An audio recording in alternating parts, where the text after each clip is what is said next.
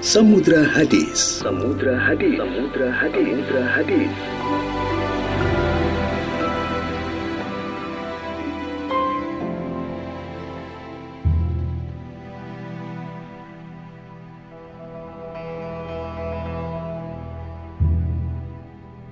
عن عائشة وأم سلمة رضي الله عنهما قالتا كان رسول الله صلى الله عليه وسلم يصبح جنبا من غير حلم ثم يصوم متفق عليه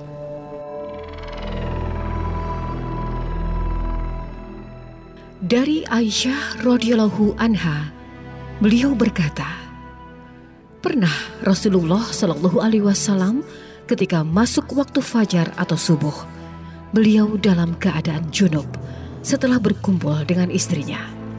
Kemudian beliau mandi dan berpuasa.